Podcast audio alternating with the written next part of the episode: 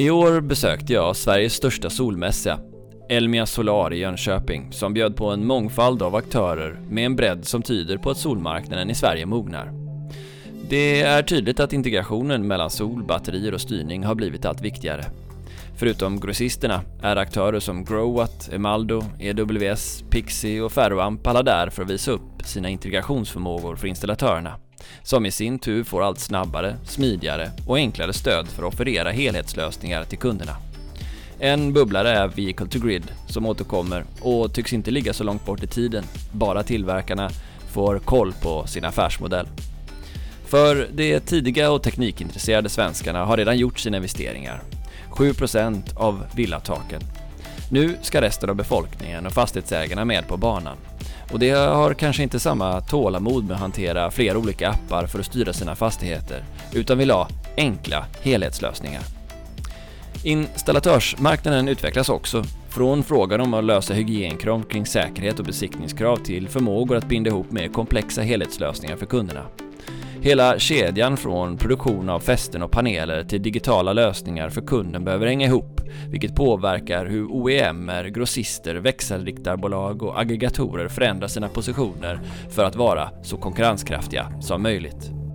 Klart är att välutbildade montage och installationsfirmor verkar vara guld värda.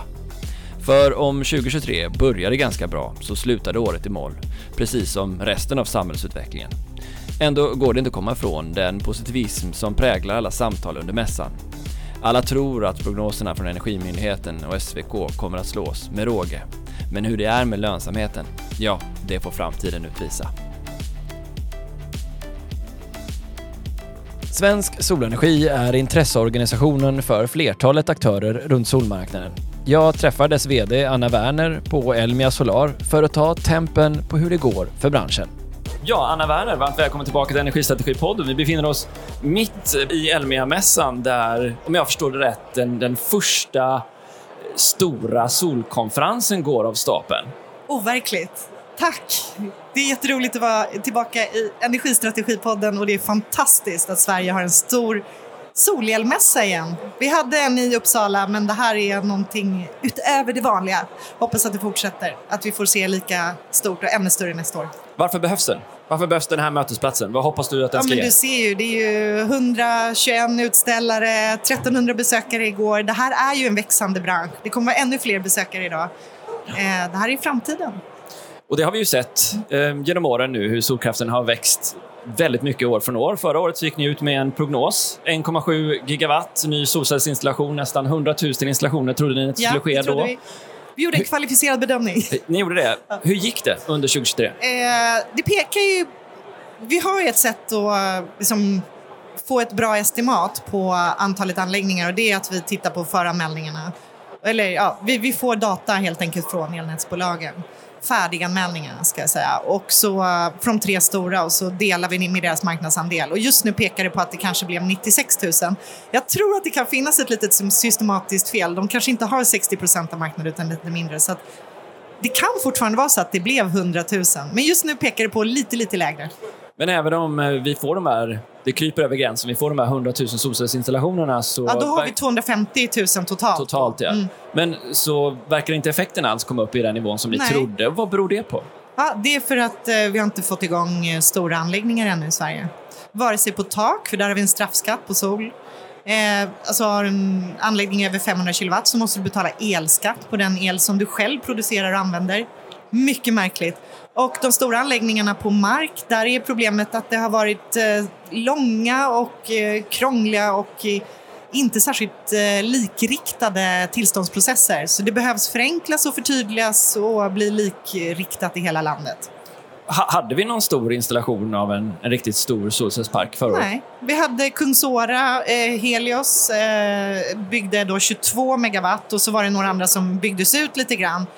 Men eh, det är där de största ligger i Sverige, kring 20 megawatt. Så vi har varit i ett läge där pressmeddelandena i alla fall från sol, solindustrin och stora bolag har varit många, men vi har egentligen inte sett något Så har realiserat. det varit så jag började. Pressmeddelanden om stora överenskommelser. Att nu har vi mark och nu har vi någon som vill köpa elen och så vidare. Men det är det här, du måste också få tillstånd att, eh, anlägga eh, parken av Länsstyrelsen och sen måste du få en elnätsanslutning och det börjar också bli lite klurigt. Ja. Eh, Det finns mycket att säga om elnätsanslutningar såklart. Ja, Både men- vad gäller småskalig och storskalig solkraft så behövs det mycket mer transparens från elnätsbolagens sida. Så vi hoppas att EU nu, de driver ju på för det här, så vi hoppas att det implementeras på ett bra sätt i Sverige. Så att vi vet var det finns plats för mer variabel elproduktion. Ja, just det. Det här är ju något som vi också har pratat om med solcellsinstallatörerna själva också. Om, om huruvida man kan få villkorade avtal eller inte och, och varför. Det finns också tydligt nu från EU att eh, man ska underlätta för villkorade avtal och där tror jag att vi har elnätsbolagen med oss för de vill ju också de vill ju styr, eh, stärka upp juridiken kring de villkorade avtalen så att både då, man ska säga, båda parter eh, kan lita på det avtalet. Till exempel om du har ett villkorat avtal och så säljer du fastigheten med den här solcellsanläggningen. Gäller avtalet eh, liksom dig eller den nya ägaren och så vidare. Så det behöver. Villkorade avtal är jätteviktigt för att vi ska få snabbt in mycket mer elproduktion i de svenska elnäten. Jag är naturligtvis jätteintresserad av vad du tänker om 2024, men om vi backar ett år och vi var inne i den nyfödda 2023 så hade vi ju en veritabel boom av solcellsintresse i Sverige. Det tog månader att få tag och tid att få en installatör att komma ut. Och det där verkade fortgå under hela våren och sen så kom vi in i en mer högräntemiljö och så hände något under hösten. Hur skulle du vilja beskriva vad som hände? Ja, jag tror kanske att du... Det här är väl mediabilden, men eh, vi som har statistiken på vår hemsida www.svensksolenergi.se, vi ser ju att eh, efterfrågan toppade i september 2022 redan och efter det så har vi haft en ganska lugn och successiv tillbakagång vad gäller efterfrågan. Så men jag förstår liksom känslan, man tycker oh, plötsligt finns det, är det höga räntor och ingen efterfrågan, men det här har ju varit ett ganska successivt förlopp. Eh, Så att det, det, blev, eh, det blev tufft mot hösten eh, nu mot slutet av 2023 vad gäller att sälja solcellsanläggningar. Det här har ju många av våra medlemmar kompenserat genom att sälja desto fler batterier. Så att det har funnits en räddning kan man säga för många av de eh, installatörer som är medlemmar i Svensk Solenergi. Ah, så man eh, diversifierar sig och därmed genom det hittar möjligheter att rida ut stormen? Då, Det eller? skulle jag verkligen vilja säga. Jag tror de som inte la om och eh, liksom fokuserade på batterier har haft svårare under 2023.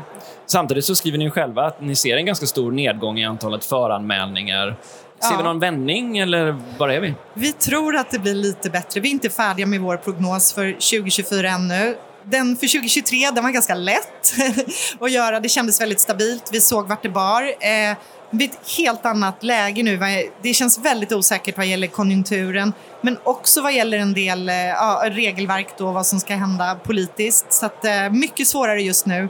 Vi tror ju att det kommer installeras eh, eh mycket solcellsanläggningar även i år och att det kommer en liten ljusning här redan under våren. Men, men jag vill inte föregripa den analys som håller på att göras just nu. Och en prognos kommer inom kort. Härligt, men eh, kan jag ändå få pick your brain på frågan om du tror att vi kommer att se några av de stora solparkerna installeras i år?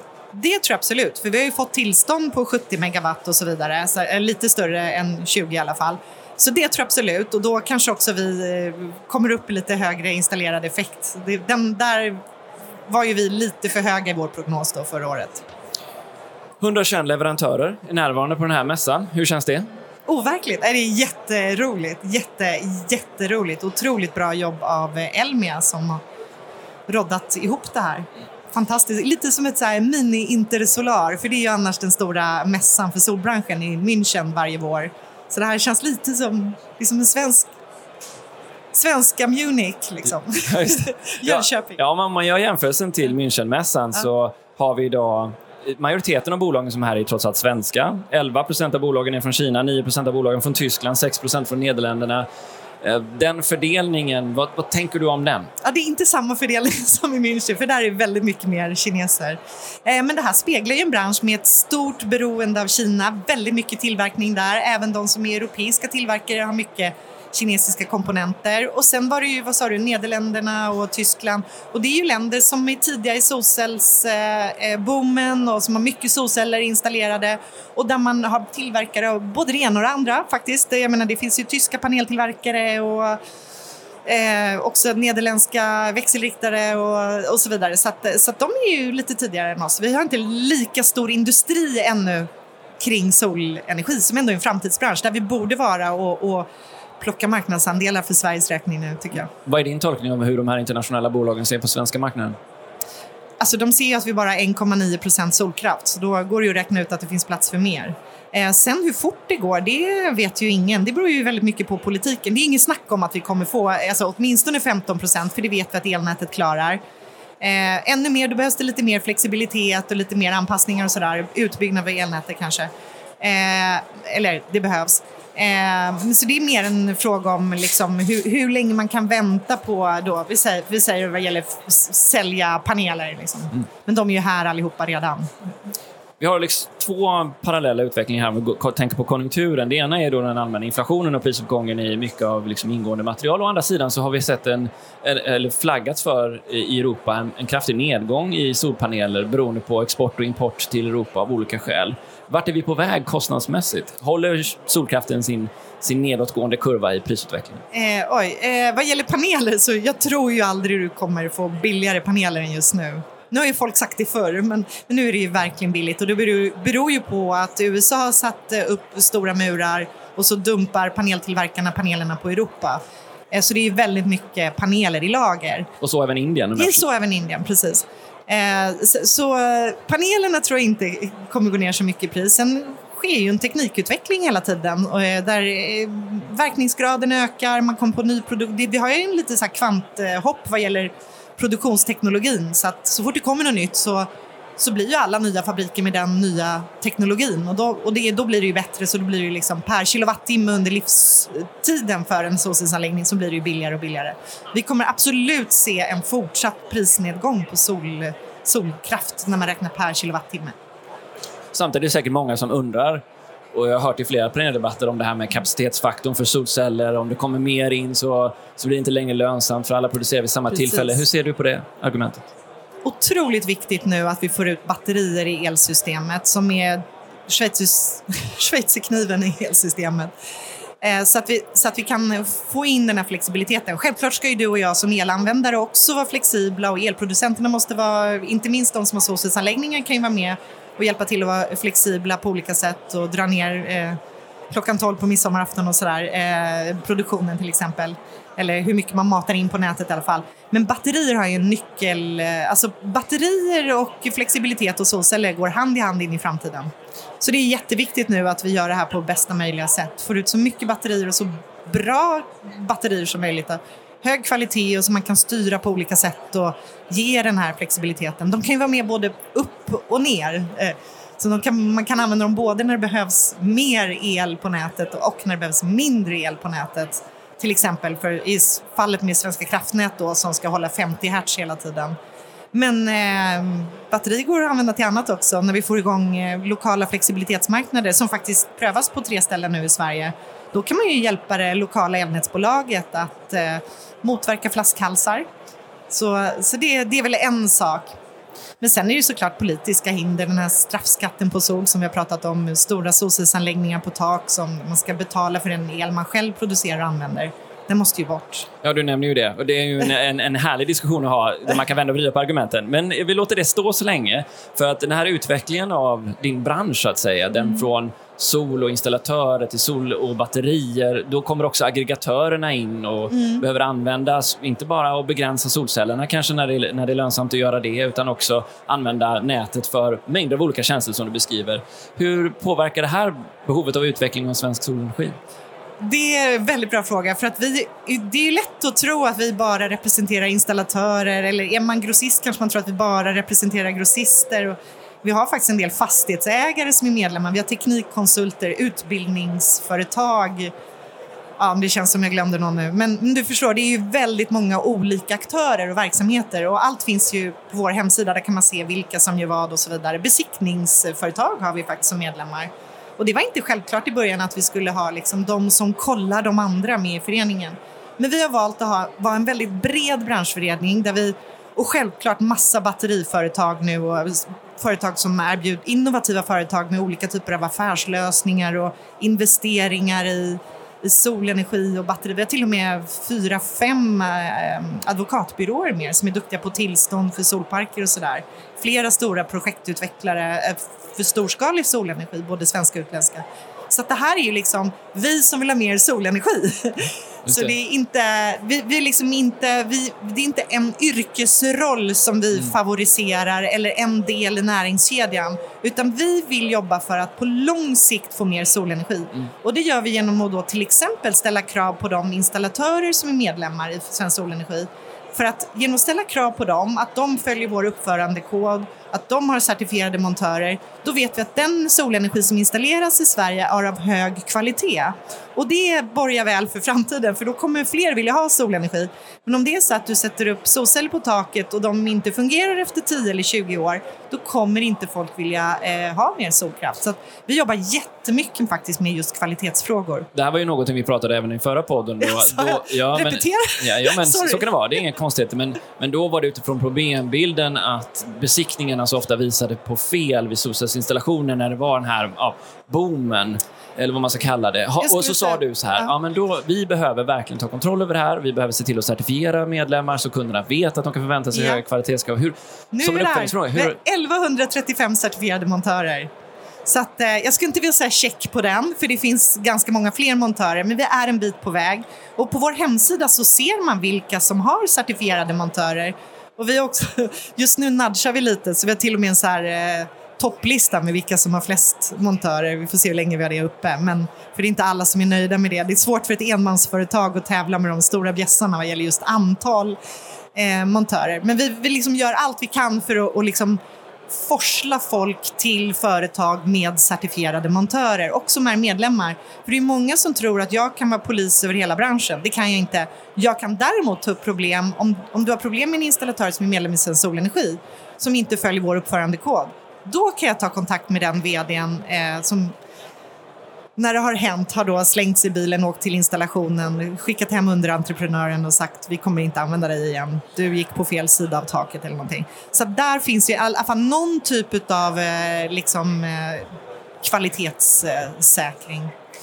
Du, SVK har ju kommit ut med sin lång, långsiktiga marknadsanalys där de säger att eh, till 2030 så kommer det pendla någonstans mellan, eller enligt de här kan man säga, analyserna, då, inte prognoser, mm. mellan 5 och 13 terawattimmar och till 2050 mellan 13 och 22 terawattimmar. Vad tänker du när du hör den analysen?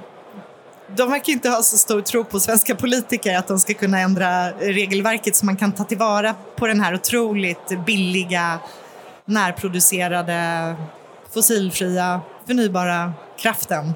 Jag tror att vi kommer få till de regeländringar som, som krävs eh, så att vi får det. Eh, lite mer stora parker, bort med 500 kilowatten, eh, fortsatt bra utveckling för småhusägarna med batterier som det är ju så att du får ju inte grönt avdrag för batterier om det inte är kopplat till en solcellsanläggning. Så det är ju en sak som ändå också eh, drar försäljningen av, av eh, solceller. Eh, vi har sagt 30 terawattimmar år 2030 som vårt mål och vi tycker att det är fullt realistiskt. Eh, och då gick vi faktiskt på en tidigare analys från SVK, men de hade då flera så olika scenarier, men då gick vi på deras hög, alltså högproduktionsscenario där det skulle vara väldigt liksom fördubblad elproduktion och så vidare. Och så sa vi att ja, men vi vet från simuleringar och så vidare att 15 procent är inga problem, eh, solkraft i elnätet. För det är problem att den är variabel. Så då, liksom, innan vi har fått rulla ut den här aggregatortjänster bland annat och flexibilitet och batterier och så här. då har vi sagt 15 procent, men då, då skulle det bli, eh, ja, vi har satt 30 terawattimmar sol då och det motsvarar liksom 15 procent av det som var deras prognos då. 2030? Ja, och sen har vi sagt 45 terawattimmar sol 2045. Så er prognos är alltså högre än den högsta prognosen för, för LMA fram till 2050, redan till 2030. Ja, den är, är dubbelt så hög. Det är också så här att jag vet att det är, all, det är aldrig någon som har överskattat solkraften. Så om jag gör det nu, då kommer jag vara allra först. Så att, eh, jag känner mig trygg med den, eh, liksom, att det är fullt möjligt med rätt politik. Det handlar om att förenkla tillståndsprocesser såklart för stora parker. Vad tror du vi ser nu då? Ni har tidigare haft en 70% i årlig tillväxt i den här marknaden. 2024, även om inte marknaden är klar och du vill föregripa den, vad är din gut feeling? Når ni, når ni den tillväxten i år igen? Tyvärr, jag har inte mandat från vår tekniska ansvarig att snacka gut, gut feeling. Men eh, i Europa som helhet så ökade solkraften med 40% bara då inom citationstecken förra året, som är lite lägre än Sverige för de har kommit längre. Men de räknar med 10% ökning i Europa i år, alltså mycket mindre, fortfarande en väldigt stor ökning, men en mindre ökning än förra året. Så att, äh, jag, Men om man förstår... Du om får du räkna en- själv. Du är får ju bra på att själv. göra egna analyser. Eh, Det är det. är. Ha, okej. Ehm, om du skulle säga de två viktigaste frågorna att lösa under 2024 för er bransch? För våran bransch? Ja. Ehm, elnätsanslutningar. Det måste, det måste till nätutvecklingsplaner det, från elnätsbolagen. Men det måste också till eh, incitament så att de satsar mer på flexibilitet eller välkomnar andra aktörers flexibilitet åtminstone. Så att vi utnyttjar våra elnät på bästa sätt här på, på kort sikt innan vi har hunnit bygga ut dem. Eh, Men givetvis jätteviktigt med att de avsätter tid för kommunikation och transparens så att eh, alla vet vad som gäller. Och tillståndsprocesserna ska Och tillstånd. förtydligas och förenklas. Suveränt. Anna, tusen tack för att du tog dig tid att vara med i Energistrategipodden. Tusen tack! Tack Niklas! Du har precis lyssnat på Energistrategipodden som produceras av Sigholm. Är du nyfiken på hur det som diskuteras i podden påverkar just din verksamhet? Hör av dig till oss via vår hemsida sigholm.se